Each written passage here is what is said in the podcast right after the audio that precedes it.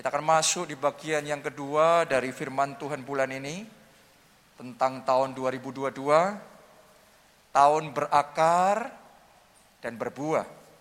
Doa saya ini yang akan kita alami dalam hidup kita masing-masing. Tahun ini kita semakin berakar di dalam Tuhan dan saya yakin kalau kita semakin berakar dalam Tuhan maka pasti kita juga akan semakin berbuah di dalam Tuhan. Oke. Nah, kita akan dalam bagian yang kedua ini kita akan belajar tentang yang namanya visi profetik. Salah satu akar yang kita perlu bangun di tahun ini adalah berakar dalam visi. Minggu lalu akar yang kita pelajari akar mengandalkan Tuhan. Karena berbahagialah orang yang menaruh harapannya kepada Tuhan, ia selalu diberkati, ya seperti pohon ditanam di tepi aliran air yang akarnya merambat ke air. Air kehidupan itu Tuhan sendiri. Bicara tentang hati kita yang tertujunya ke Tuhan, pengharapan kita yang terarahnya sama Tuhan. Ya, Tuhan sumber kita. Tuhan penolong kita. Dia kekuatan kita. Dia andalan kita. Dia kesembuhan kita dia kemenangan kita. Ini pohon yang akarnya merambat ke air, menjadikan Tuhan sumbernya. Segalanya dalam hidupnya. Orang yang seperti itu, Alkitab ngomong, daunnya tidak akan pernah tidak pernah kering. Sekalipun ada di tahun kering. Jadi ada orang yang melewati musim kering terus jadi kering, tapi ada juga yang melewati musim kering tetap hijau daunnya. Saya berdoa itu saudara. Melewati musim kering tetap segar, tetap penuh sukacita karena anugerah Tuhan ada dalam hidup saudara. Oke? Karena itu jadilah seperti pohon yang akarnya merambat ke air.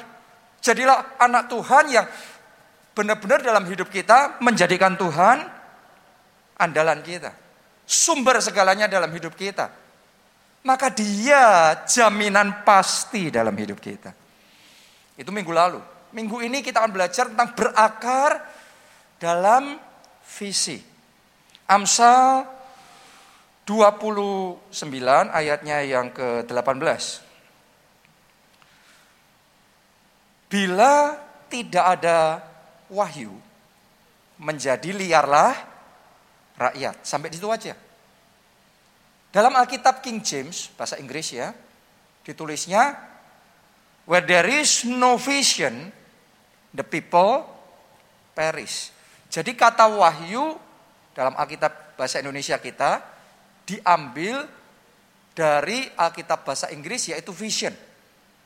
Ternyata wahyu ini bicara tentang visi. Tapi wahyu ini bukan visi biasa. Wahyu ini adalah visi yang kita terima dari Tuhan. Makanya saya sebut ini visi profetik. Visi profetik yang kita terima dari Tuhan itu beda sama visi manusia. Yang kalau saudara ikut seminar motivasi, Anda akan diajari punya visi yang terukur, punya visi yang Anda memikirkan, Anda merencanakan dari hasil pikiran manusia. Nah, tapi ini beda. Wahyu ini bicara tentang visi yang datangnya dari pikiran Tuhan. Visi yang datangnya dari rencana Tuhan. Doa saya dalam hidup saudara yang Anda kejar bukan cuma visi Anda sendiri. Tapi visi yang dari Tuhan. Karena visi yang Tuhan pasti lebih besar. Visi yang dari Tuhan pasti luar biasa. Pasti lebih daripada visi manusia. Dan saya berdoa sementara firman ini dibagikan melalui firman ini. Karena firman itu terang. Firman itu pelita bagi kaki kita, terang bagi jalan kita. Sementara Anda dengar firman, Anda dapat terang. Saya berdoa, Anda dapat inspirasi dari roh kudus. Anda bisa nangkep visi Tuhan. Visi profetik yang dari Tuhan. Penting sekali dalam hidup kita, hidup dalam visi. Hidup punya tujuan visi yang dari Tuhan. Orang kalau nggak punya tujuan dari Tuhan, visi dari Tuhan, kita ngomong, bila tidak ada wahyu, bila tidak ada visi profetik dari Tuhan ini, menjadi liarlah rakyat. The people perish. Rakyat jadi binasa. Kalau kita hidupnya tanpa visi, hidup kita berantakan. Kacau balau semuanya. Namanya nggak punya tujuan.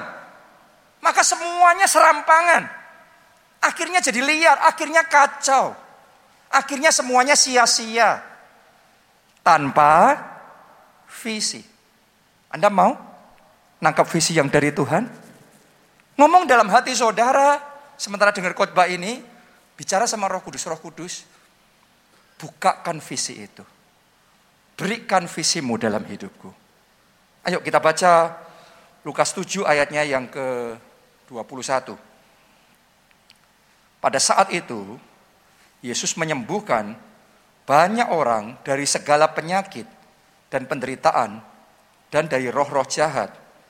Dan ia mengaruniakan penglihatan kepada banyak orang buta. Tahukah saudara, salah satu pelayanan Tuhan Yesus adalah mencelikkan mata yang buta. Dan yang saya yakin bukan hanya yang butuh dicelikkan ya, bukan hanya orang yang buta secara jasmani. Tapi juga orang yang buta mata rohaninya sehingga belum bisa melihat visi yang dari Tuhan. Sama seperti Tuhan Yesus mencelikkan mata orang yang buta secara jasmani. Saya berdoa, Tuhan Yesus mencelikkan mata roh kita masing-masing. Sehingga kita yang tadinya gelap, Gak mampu melihat visi dari Tuhan. Gak ngerti pilihannya yang ini atau yang itu ya. Keputusan yang ini atau yang itu. Jalan yang ini atau yang itu yang saya pilih. Saya berdoa saat ini roh kudus mengurapi mata kita. Sehingga kita bisa melihat visi dari Tuhan. Amin. Ini visi profetik yang dari Tuhan. Ya. Penting sekali buat kita untuk bisa menangkap visi yang dari Tuhan. Karena itu yang akan membuka pintu-pintu yang tadinya tidak mungkin kita bisa masuk ke situ. Tapi begitu pintunya terbuka, kalau Anda melihat visi ya, pintu terbuka, Anda masuk di situ. Saya berdoa, sementara firman ini disampaikan, mata roh saudara bisa melihat tahun ini sesuatu yang besar akan Tuhan kerjakan dalam hidup saudara. Tahun ini belenggu dosa yang sudah bertahun-tahun mengikat Anda, Anda mau lepaskan pornografi, tinggalkan perjinahan, atau dosa apa pun tapi jatuh bangun, jatuh bangun terus. Tapi saya berdoa Anda bisa melihat tahun ini roh kudus akan bekerja dalam hidupmu. Belenggu dosa itu akan dipatahkan, kelepasan terjadi. Tepuk tangannya pula yang paling meriah buat Tuhan kita. Sudah belum saudara lihat dengan mata roh bahwa itu yang akan Tuhan kerjakan tahun ini. Tahun ini ada orang-orang di tempat ini yang tahun ini pernikahanmu dipulihkan oleh Tuhan. Kau sudah berdoa selama sekian lama, tapi nggak ada perubahan. Suamimu mungkin tambah parah, istri saudara, hubungan Anda malah semakin banyak kesalahpahaman, semakin runyam, sakit hatinya tambah banyak. Hati saudara sebenarnya secara manusia sudah hambar satu dengan yang lain. Tapi tahun ini anggur baru Tuhan akan dicurahkan pernikahan Anda akan diubahkan oleh Tuhan air jadi anggur kembali, kasih yang sudah hambar akan dibuat jadi manis kembali dan pemulihan rumah tangga terjadi. Lihat itu. Anda bisa nggak melihat itu? Karena butuh mata yang dicelikkan untuk bisa melihat itu. Kalau mata kita belum dicelikkan, yang kita melihat situasi kita sekarang. Yang kita melihat setiap hari cekcok, setiap hari salah paham, setiap hari bertengkar, kita sudah kayaknya hopeless banget. Tapi saya berdoa seperti Yesus mencelikkan mata yang buta. Hari ini mata saudara dicelikkan oleh roh kudus. Untuk bisa melihat 2022 ini tahun yang luar biasa dalam hidupmu. Ada orang-orang di tempat ini yang tahun ini saudara akan dipakai oleh Tuhan. Anda akan dibawa oleh Tuhan berjalan dalam pengurapan Roh Kudus yang belum pernah Anda alami sebelumnya. Biasanya di tahun-tahun kemarin Anda ya berjalan secara normal dengan kekuatan manusia, dengan kepandaian akal budi manusia, tapi tahun ini akan ada extra power. Tahun ini Anda akan berjalan di dalam pengurapan Roh Kudus dan ketika engkau berjalan dalam pengurapan Roh Kudus, ketika engkau berdoa, mujizat terjadi. Doamu akan berubah. Tahun ini saya yakin ada orang-orang di tempat ini, tahun ini doamu berubah. Yang dulunya doanya nggak pernah melihat jawaban, nggak pernah melihat mujizat. Tahun ini engkau berdoa, mujizat terjadi, kesembuhan terjadi, keajaiban terjadi. Bisakah sudah lihat itu? Saya berdoa, mata roh sudah dicelikan. Anda bisa melihat itu. Tahun ini akan ada orang-orang di tempat ini anda akan terima special anointing, urapan khusus dalam keuangan. Sehingga yang dipegang, yang dikerjakan tanganmu, jadi. Anda kerjakan ini, jadi. Jadi lagi, makanya apa saja yang diperbuatnya, berhasil. Tangan-tangan saudara ini tangan-tangan yang diberkati 2022 ini akan jadi tahun kemenangan dan tahun keberhasilan. Di ibadah yang sebelumnya saya nggak ngomong, tapi tiba-tiba saya diingatkan ya sama nubuatan Pastor IEA Deboye. Dia nubuatkan tentang tahun 2022 ini. Ada banyak nubuatannya. Salah satunya yang saya ingat, dia ngomong gini, 80% proyek-proyek yang dimulai di tahun 2022 akan berhasil. Jadi saya yakin Roh Kudus akan bicara sama orang-orang di tempat ini. Jemaat-jemaat di tempat ini, Anda memulai yang baru di 2022 dan yang engkau kerjakan tahun ini berhasil. Akan ada kemenangan besar, akan ada terobosan besar, akan ada kesaksian besar yang engkau ceritakan tahun ini. Anda bisa melihat itu? Butuh mata roh yang dicelikkan untuk bisa melihat. Kalau mata buta susah melihat. Kalau mata sudah terbuka bisa melihat. Karena itu Yesus mencelikkan mata yang buta. Demikian pula roh kudus mencelikkan mata roh kita yang belum bisa melihat visi. Terbuka saat ini juga Anda melihat visi yang dari Tuhan. Amin. Saya yakin firman Tuhan hari ini benar-benar akan dipakai oleh roh kudus sementara firman demi firman ini saya bagikan sama saudara. Tapi secara pribadi Roh Kudus akan berurusan dengan kita masing-masing. Dan Roh Kudus akan memunculkan picture, gambar dalam benak saudara, dalam hati saudara, dalam roh saudara. Roh Kudus akan memunculkan gambar. Dan kalau Anda peka, Anda tangkap, itu visi dari Tuhan. Tahun ini tergenapi. Katakan amin, amin. Tepuk tangannya pula yang paling meriah buat kita. Jadi sementara khotbah ini berlangsung, tolong saudara connect sama Roh Kudus dan bicara Roh Kudus. Berikan gambar itu. Roh Kudus biar aku melihat apa yang kau mau kerjakan tahun ini. Oke? Ya, yang itu hanya Roh Kudus bisa lakukan. Saya nggak bisa lakukan. Makanya Anda pekanya sama Roh Kudus. Anda dengar khotbah ini, tapi Anda terarahnya sama Roh Kudus. Nanti Anda bisa melihat visi dari Tuhan. Setelah melihat visi, Berikutnya kita perlu berakar dalam visi. Kenapa? Berakar dan tidak berakar akan menentukan hasilnya. Visi itu tercapai apa tidak. Kita baca Matius 13 ayat 5 sampai ayat yang ke-6. Sebagian jatuh di tanah yang berbatu-batu, yang tidak banyak tanahnya, lalu Benih itu pun segera tumbuh karena tanahnya tipis. Tetapi sesudah matahari terbit, layulah ia dan menjadi kering karena tidak berakar. Jadi benih kalau tidak berakar jadi layu, terus kering. Artinya mati. Tolong dengarkan saudaraku. Benih visi kalau tidak berakar, padahal sudah ada visinya. Anda sudah melihat visinya. Tapi kalau tidak berakar dalam visi, maka visi itu bisa jadi layu dan kering dan mati. Banyak orang dapat visi yang dari Tuhan. Tidak diragukan itu roh kudus yang ngasih visi profetik. Dia ngasih janji sama kita dan kita ngomong amin, kita tangkap janji itu.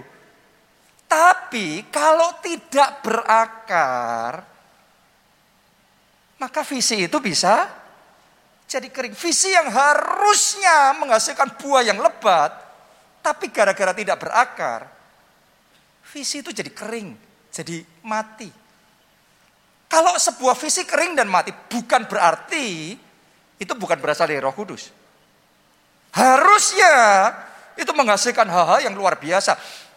Tapi butuh dari pihak kita untuk berakar.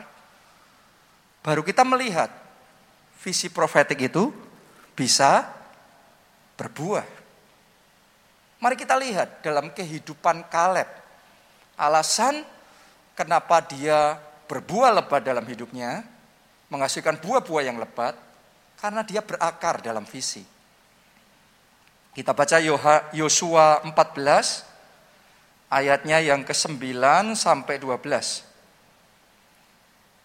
Pada waktu itu, Musa bersumpah, katanya, Sesungguhnya tanah yang diinjak oleh kakimu itu akan menjadi milik pusakamu dan anak-anakmu sampai selama-lamanya Sebab engkau tetap mengikuti Tuhan Allahku dengan sepenuh hati.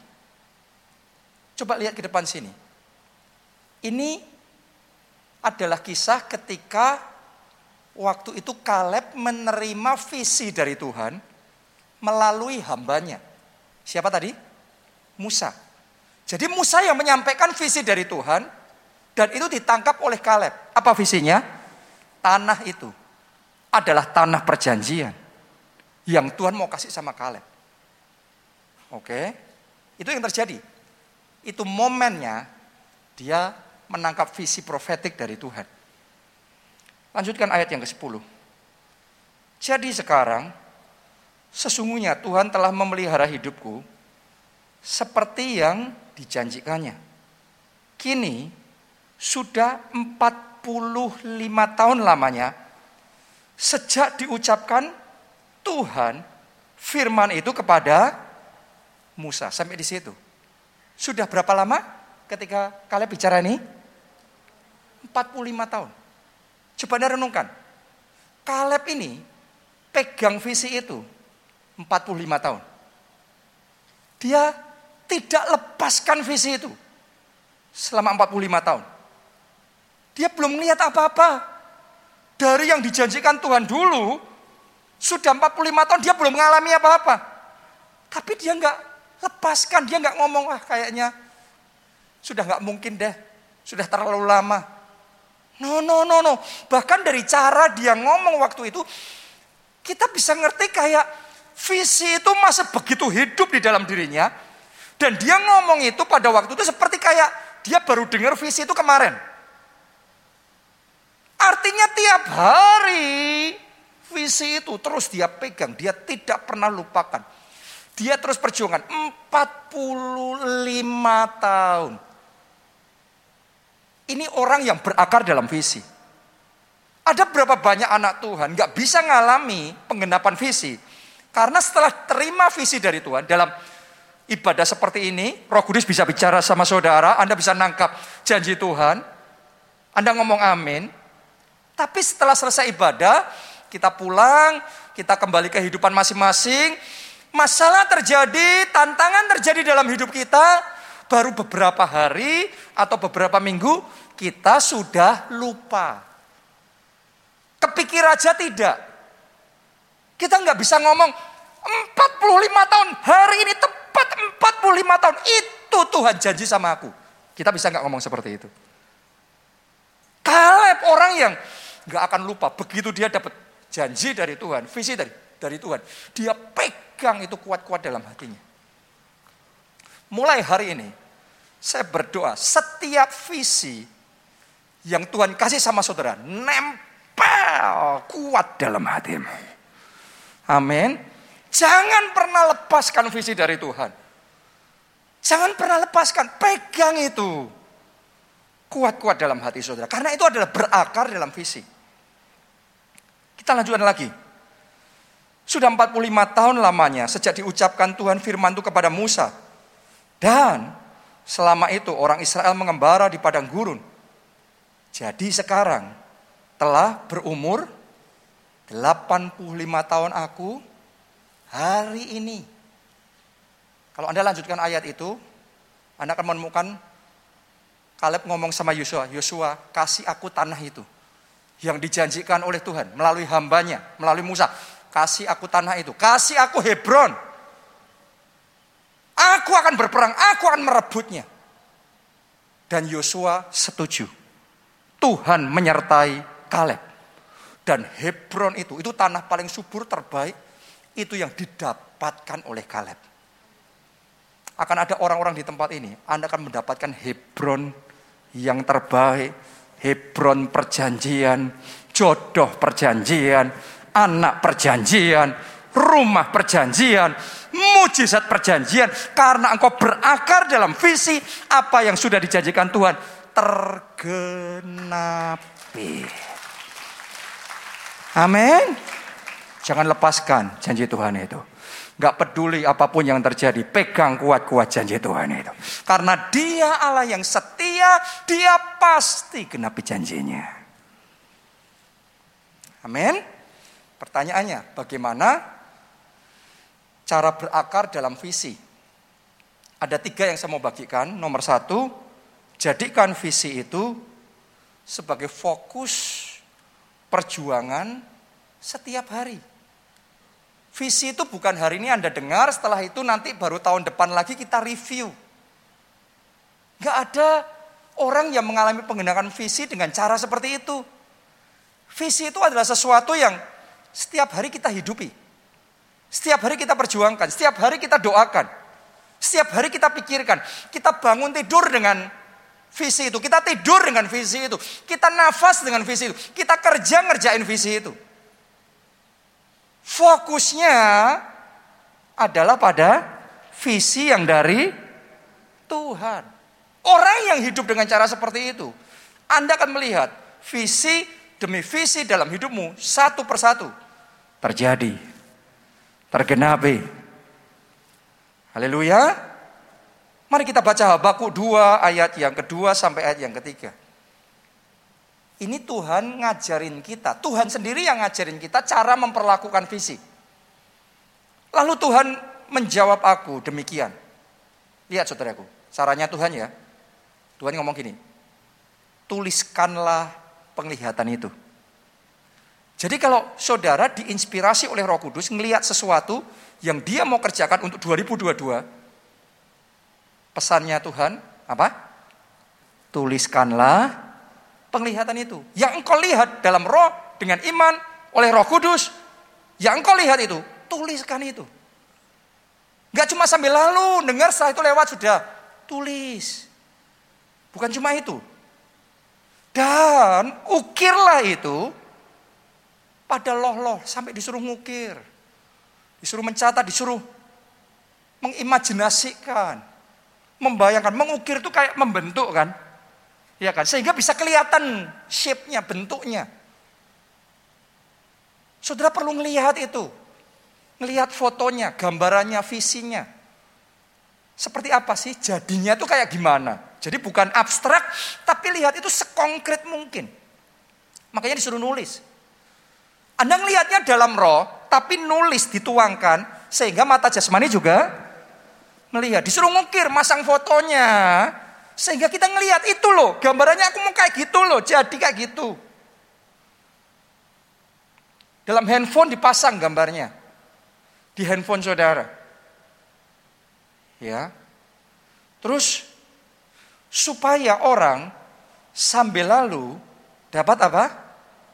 Membacanya sambil lalu aja Anda bangun kelihatan itu.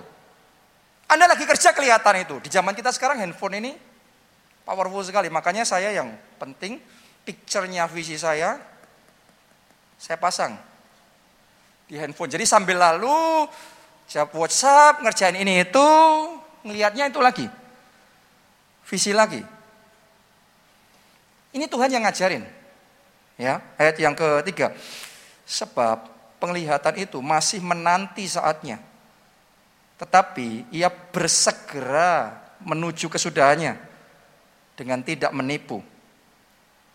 Apabila berlambat-lambat, ada yang ngerasa kok lambat sekali sih? Tuhan ngomong gini, nantikanlah itu. Sebab itu sungguh-sungguh akan datang dan tidak akan bertangguh. Saya deklarasikan di dalam nama Yesus. Visi dari Tuhan datang. Kesembuhan itu datang. Promosi itu datang. Pemulihan itu datang. Amin. Jadi tangkap visi yang dari Tuhan dan jangan pernah lepaskan. Jadikan itu adalah fokus. Kenapa? Karena kalau orang tidak fokus, visinya hilang. Saya mau bacakan satu kisah orang yang karena nggak fokus terus kehilangan. Satu Raja-Raja 20 ayat 39 sampai 40. Pada waktu raja lewat, ia mengadukan halnya kepada raja, katanya, ketika hambamu ini maju ke tengah pertempuran, tiba-tiba ada seorang meninggalkan barisan dan membawa seorang kepadaku sambil berkata, jagalah orang ini. Jika ia hilang dengan cara bagaimanapun juga, maka nyawamu adalah ganti nyawanya. Atau engkau harus membayar setalenta perak. Ayat 40 perhatikan. Ketika hambamu ini repot sana sini, orang itu menghilang. Jadi dia kehilangan orang itu ketika apa? Repot sana sini. Harusnya orang itu jadi fokusnya. Tapi nggak fokus, repot sana sini. Nggak malas loh. Nggak malas, ini repot loh. Berarti kerja keras nggak? Kerja keras, tapi sana sini hilang orang itu. Banyak orang bukan pemalas. Tapi masalahnya nggak fokus. Nggak fokus sama visi. Repot sana sini, doa sana sini, perjuangannya sana sini. Bukan menuju visi. Hilang visi itu. Nggak jadi visi itu. Hari ini saya berdoa supaya saudara fokusnya diluruskan oleh Tuhan. Bukan sana sini, fokus. Kalau engkau fokus, perjuangannya fokus, doanya fokus, jadi dalam hidupmu. Amin. Jadi mulai hari sadarilah repot tidak selalu baik. Kalau repotnya sana sini, visinya hilang. Hanya kalau repotnya pada visi, visinya jadi. Makanya saya setiap hari bangun, jadwal saya, cara kerja saya semuanya tertuju pada visi. Saya tahu 2022 apa saja yang saya yakin Tuhan mau kerjakan dalam hidup saya, melalui hidup saya.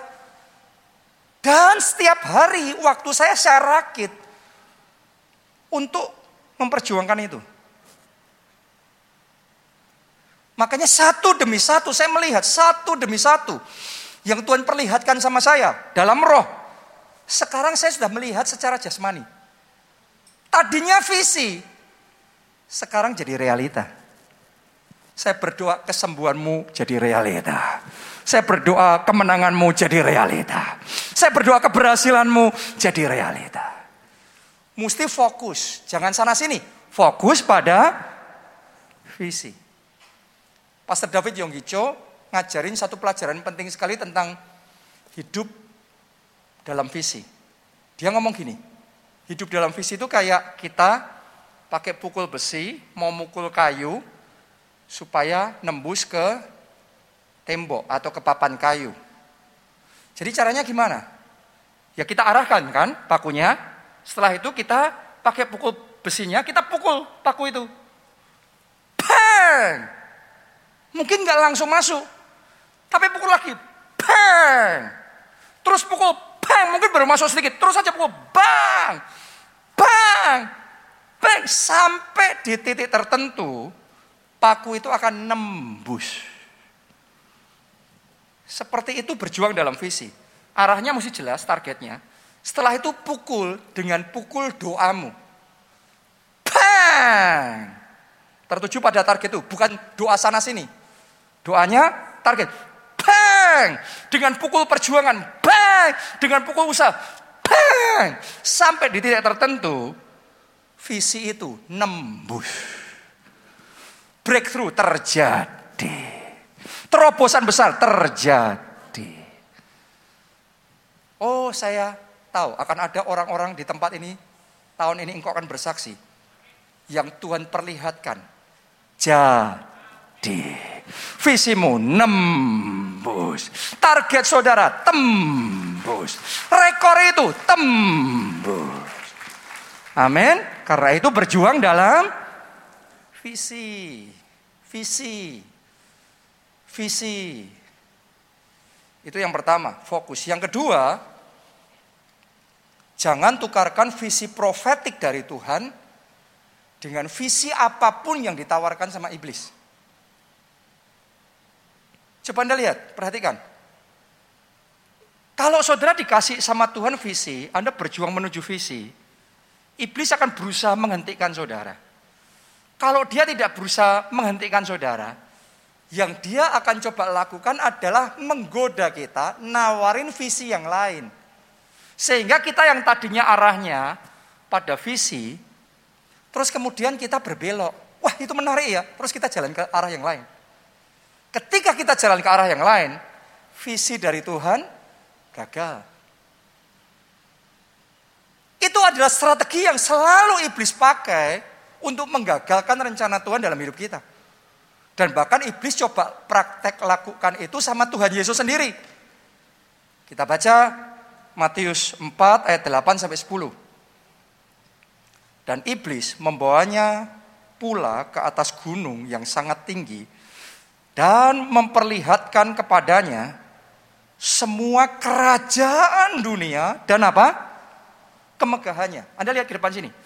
Tuhan Yesus sedang fokus pada visi. Visinya apa? Alkitab ngomong anak manusia turun ke dunia untuk mencari dan menyelamatkan yang terhilang. Tapi yang iblis lakukan, iblis perlihatkan apa itu tadi? Kerajaan dunia dan kemegahannya dikasih gambar yang lain. Dikasih visi yang lain. Terus lihat, ngomongnya apa? Dan berkata kepadanya, semua itu akan kuberikan kepadamu jika engkau sujud menyembah aku. Sampai di situ aja. Jadi iblis lakukan, kalau engkau mau ini semua, sujud ikut aku aja. Kasih semuanya ini. Seandainya Tuhan Yesus tergoda, Mungkin dia dapatkan semuanya itu, tapi dia kehilangan visi Allah dalam hidupnya. Itu cara iblis menggagalkan visi profetik dalam hidup kita. Hari ini saya ingin ajak saudara untuk menyadari iblis akan coba melakukan hal yang sama dalam hidup saudara. Tuhan punya rencana keluarga saudara keluarga yang baik. Saudara dikasih istri yang baik. Tapi iblis akan ngasih gambar yang lain, istri yang perempuan yang lain. Yang lebih cantik, yang lebih luas. Kalau ngomongan mungkin lebih mak kretek gitu saudaraku. Dan kalau kita tergoda sama yang lain, apa yang sebenarnya Tuhan sudah rancangan dalam hidup kita jadi berantakan. Rumah tangga jadi berantakan ketika kita tergoda.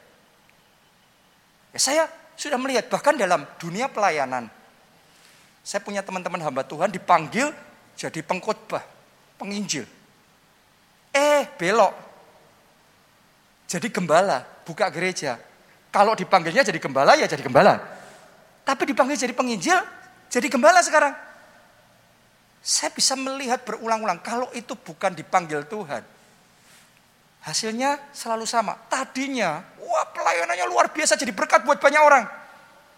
Tapi begitu belok, kayak jadi mengecil dan tidak berarti sama sekali. Orang kalau salah jalur, nggak ada urapan Tuhan di situ. Nggak ada penyertaan Tuhan di situ.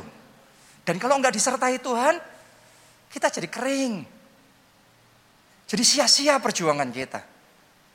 Hari ini sadarilah bahwa iblis akan coba saudara menarik saudara supaya belok ke kanan atau belok ke kiri. Makanya Tuhan ngomong jangan menyimpang ke kanan atau menyimpang ke kiri. Kalau saudara sudah nangkep visi dari Tuhan, jalan setia pada visi itu, maka visi itu akan tergenapi dalam hidup saudara.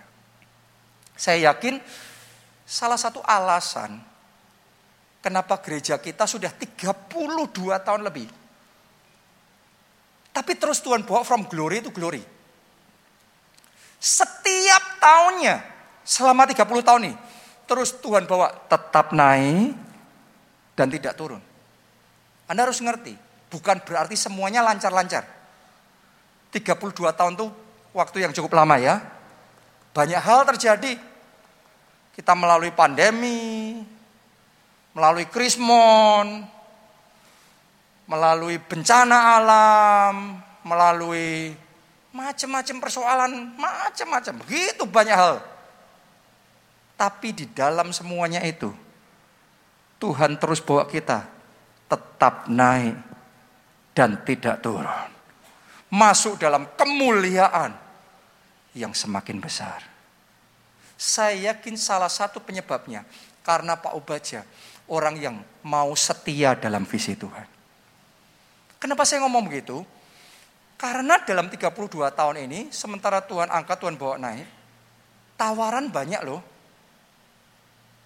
Tawaran untuk Pak Obaja, gembala senior kita, Bapak Rohani kita. Tawaran untuk jadi politikus, tawaran untuk jadi pejabat tinggi negara, tawaran-tawaran, kesempatan-kesempatan menarik yang lainnya. Yang secara manusia, kalau orang nggak peka sama Tuhan, wah ini selalu kalau tawaran menarik harus kita dapat. Saya mau ngomong sama saya, tawaran semenarik apa pun, kalau bukan itu yang Tuhan mau dalam hidup kita, percuma. Oke, Anda dapat yang itu, tapi kehilangan yang lebih berharga. Karena Pak Obaja setiap kali dapat tawaran seperti itu, Pak Obaja cuma ketawa dan dia ngomong terima kasih. Setelah itu dia lanjutkan, ngerjain visi yang dari Tuhan aja. Buat dia, ngerjain visi dari Tuhan itu cukup. Tapi ternyata visi dari Tuhan jauh lebih besar dari yang kita pikirkan dan bayangkan. Dan kita terus bisa melihat Tuhan bawa bagaikan Raja Wali terbang tinggi melakukan perkara-perkara yang besar. Kuncinya apa? Setia pada visi. Pernah dengar nama ini enggak? Billy Graham. Billy Graham itu seorang penginjil, bukan gembala, penginjil, yang message-nya simpel sekali. Message-nya adalah message tentang pesan keselamatan. Bahwa di dalam Yesus ada keselamatan. Bertobatlah, terima Yesus dan engkau akan diselamatkan. Itu message-nya. Dia nggak khotbah tentang kesembuhan ilahi. Dalam pelayanannya nggak ada cerita-cerita yang buta melihat, yang lumpuh berjalan, yang mati dibangkitkan. Nggak ada yang kayak gitu. Dia ngerti dia dipanggil pokok untuk memberitakan Injil keselamatan. Dan dia setia di situ. Itu orang yang ngerti callingnya. Dan sampai akhir dengan message yang sesederhana itu. Tuhan terus bawa dia masuk dalam kemuliaan yang semakin besar. Ini adalah orang yang jadi penasehatnya presiden-presidennya Amerika. Ini orang yang sangat dihormati dan dipermuliakan luar biasa. Setia pada visi. Setia sama visi dari Tuhan. Oke. Setia sama visi dari Tuhan. Anda akan melihat kalau kita lari dalam jalur yang Tuhan mau kita lari di situ, lari aja di situ. Walaupun jalur yang lain kelihatan lebih menarik, tutup telinga, tutup telinga, tutup mata. Fokusnya sama visi. Jangan nyimpang ke sana, nyimpang ke situ. No, jangan belok kanan, belok kiri. No, lurus pada jalur yang dari Tuhan. Anda lurus saja jalur dari Tuhan. Yang lainnya seolah-olah sekarang lebih maju, lebih diberkati, lebih sukses silakan. Anda setia aja sama visi dari Tuhan. Nanti momenmu tiba. Dan kalau sudah tiba momenmu, Tuhan yang akan mengangkat, Tuhan yang akan mempermuliakan, dan Anda akan melihat kemuliaan Tuhan nyata atas hidup saudara. Amin. Itu yang kedua. Yang ketiga, jangan pernah menyerah sekalipun tantangannya berat sekali. Saya yakin di tempat ini saudara ada yang sedang menghadapi tantangan berat sekali dalam hidupmu. Seberat apa pun itu, jangan menyerah. Saya sudah melihat hal-hal yang besar yang Tuhan kerjakan. Tadinya diawali dari badai yang besar, tantangan yang besar. Tapi karena tidak menyerah, akhirnya Tuhan buat sesuatu yang besar. Anda harus mengerti bahwa kalau saudara dapat visi dari Tuhan, selalu yang saya lihat ya, orang kalau dapat visi dari Tuhan mulai berjuang, iblis nggak akan tinggal diam. Iblis akan datang menghadang. Itu bukan pertanyaannya bukan apakah iblis akan menyerang, menghadang kita, bukan gitu. Tapi kapan iblis akan datang dan menyerang? Karena iblis selalu berusaha untuk datang dan menyerang. Jadi buat saya saya malah nggak ingat kapan saya dikasih visi dari Tuhan dan tidak ada serangan. Saya malah nggak ingat. Sepanjang dalam hidup saya yang saya tahu setiap kali saya mengerjakan visi dari Tuhan selalu akan ada serangan, selalu akan ada masalah. Tapi dalam semuanya itu Tuhan membuat kita lebih dari pemenang. Amin. Jangan menyerah. Jangan putus asa. Saya pernah dengar kesaksiannya Pastor David Yonggicho ketika dia membangun gedung gereja terbesar di dunia waktu itu. Sudah tahu nggak? Di tengah proyek itu, itu sudah hampir kolaps. Bayangin, bangun proyek besar hampir kolaps. Sudah hampir bangkrut, hampir disita, sudah kayak, ah, sudah. Itu sudah benar-benar momen terberat dalam hidupnya. Kalau dia menyerah, saat itu kalau dia menyerah, kita nggak akan pernah dengar kesaksiannya sekarang. Tapi karena di saat tersulit dia pantang menyerah. Di balik itu ternyata kegerakannya besar sekali. Sampai jadi gereja terbesar di dunia. Zaman itu ya. Dan itu jadi berkat buat banyak orang. Kenapa kok dia ngalami tantangan sebesar dan sesukar itu? Sederhana. Iblis tahu kalau ini dibiarin aja nanti jadi raksasa. Jadi iblis akan melancarkan semua serangan yang dia bisa lakukan untuk menghentikan itu. Artinya gini, kalau saat ini serangan yang dilancarkan dalam hidup saudara itu bertubi-tubi dan itu berat sekali. Anda harus sadar di balik itu mungkin engkau belum tahu, tapi iblis tahu ada rencana Allah yang sangat besar yang dia mau kerjakan di dalam hidup saudara. Karena itu jangan menyerah. Kalau iblis saja menyerangnya sampai sengit kayak gitu, masa di belakangnya itu nggak ada apa-apa? Kalau di belakangnya itu ada sesuatu yang besar, itu pantas iblis berusaha untuk melakukan semua cara. Jadi kalau dengan semua cara Anda berusaha dihentikan, sadarilah ada maksud Tuhan yang besar dalam hidup saudara. Karena itu jangan menyerah. Jangan menyerah. Pegang visi itu. Pegang janji Tuhan itu. Dia Allah yang setia. Dia akan genapkan dalam hidup saudara. Engkau percaya? Siapa percaya? Kita kasih tepuk tangannya boleh paling meriah. Mari bangkit berdiri.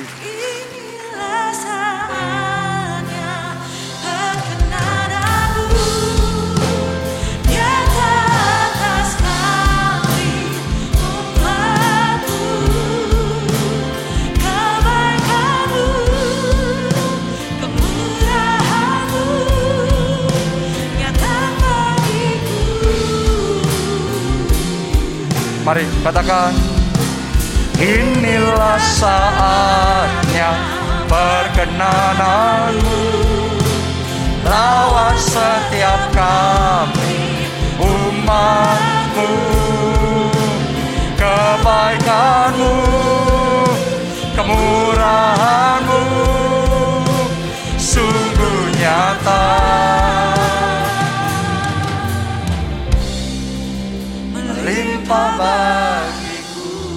Anda percaya tahun ini saatnya perkenanan Tuhan?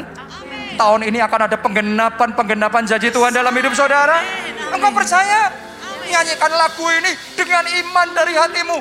Inilah saatnya perkenananmu nyata atas kami umatmu kebaikanmu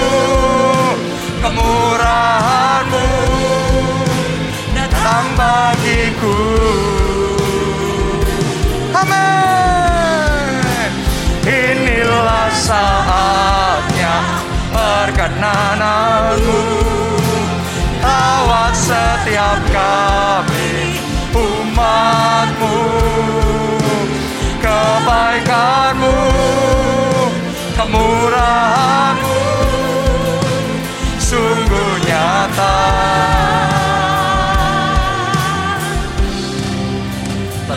Berlimpah bagiku Sungguh saya yakin Ini saatnya perkenanan Tuhan dan ketika saat perkenanan Tuhan itu datang, maka yang tadinya belum, belum, belum, sekarang sudah.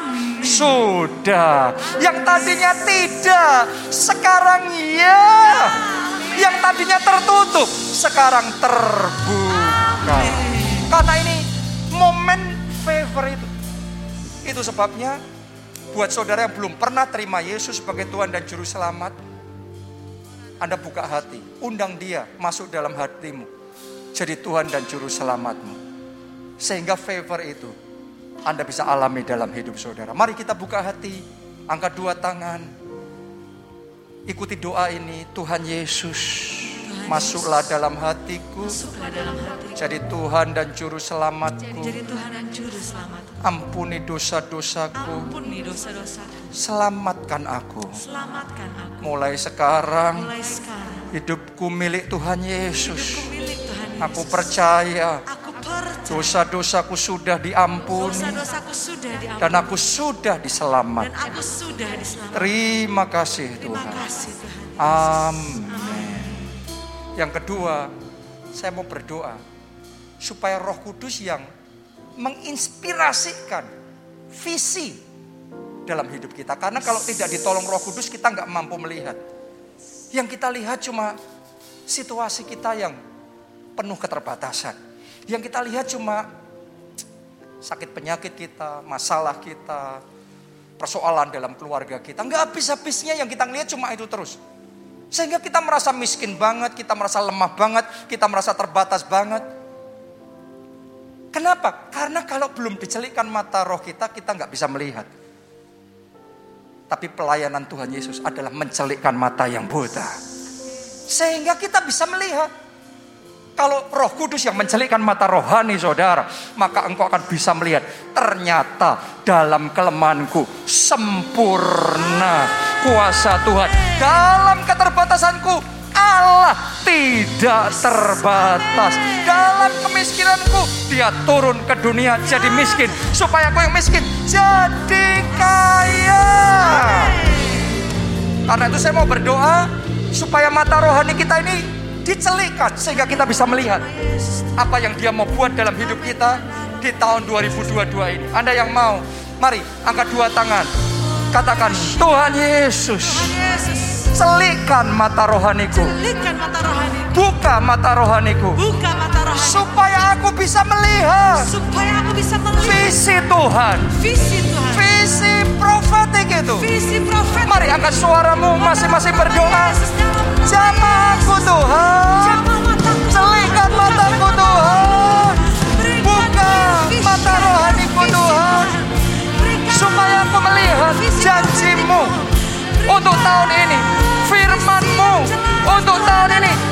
Oh, perlihatkan Tuhan, perlihatkan, perlihatkan. Dengan mata iman, dengan mata batin, dengan mata rohku ini aku mau melihat. Aku mau melihat. Aku perlu melihat. Jamah aku Tuhan. Jamah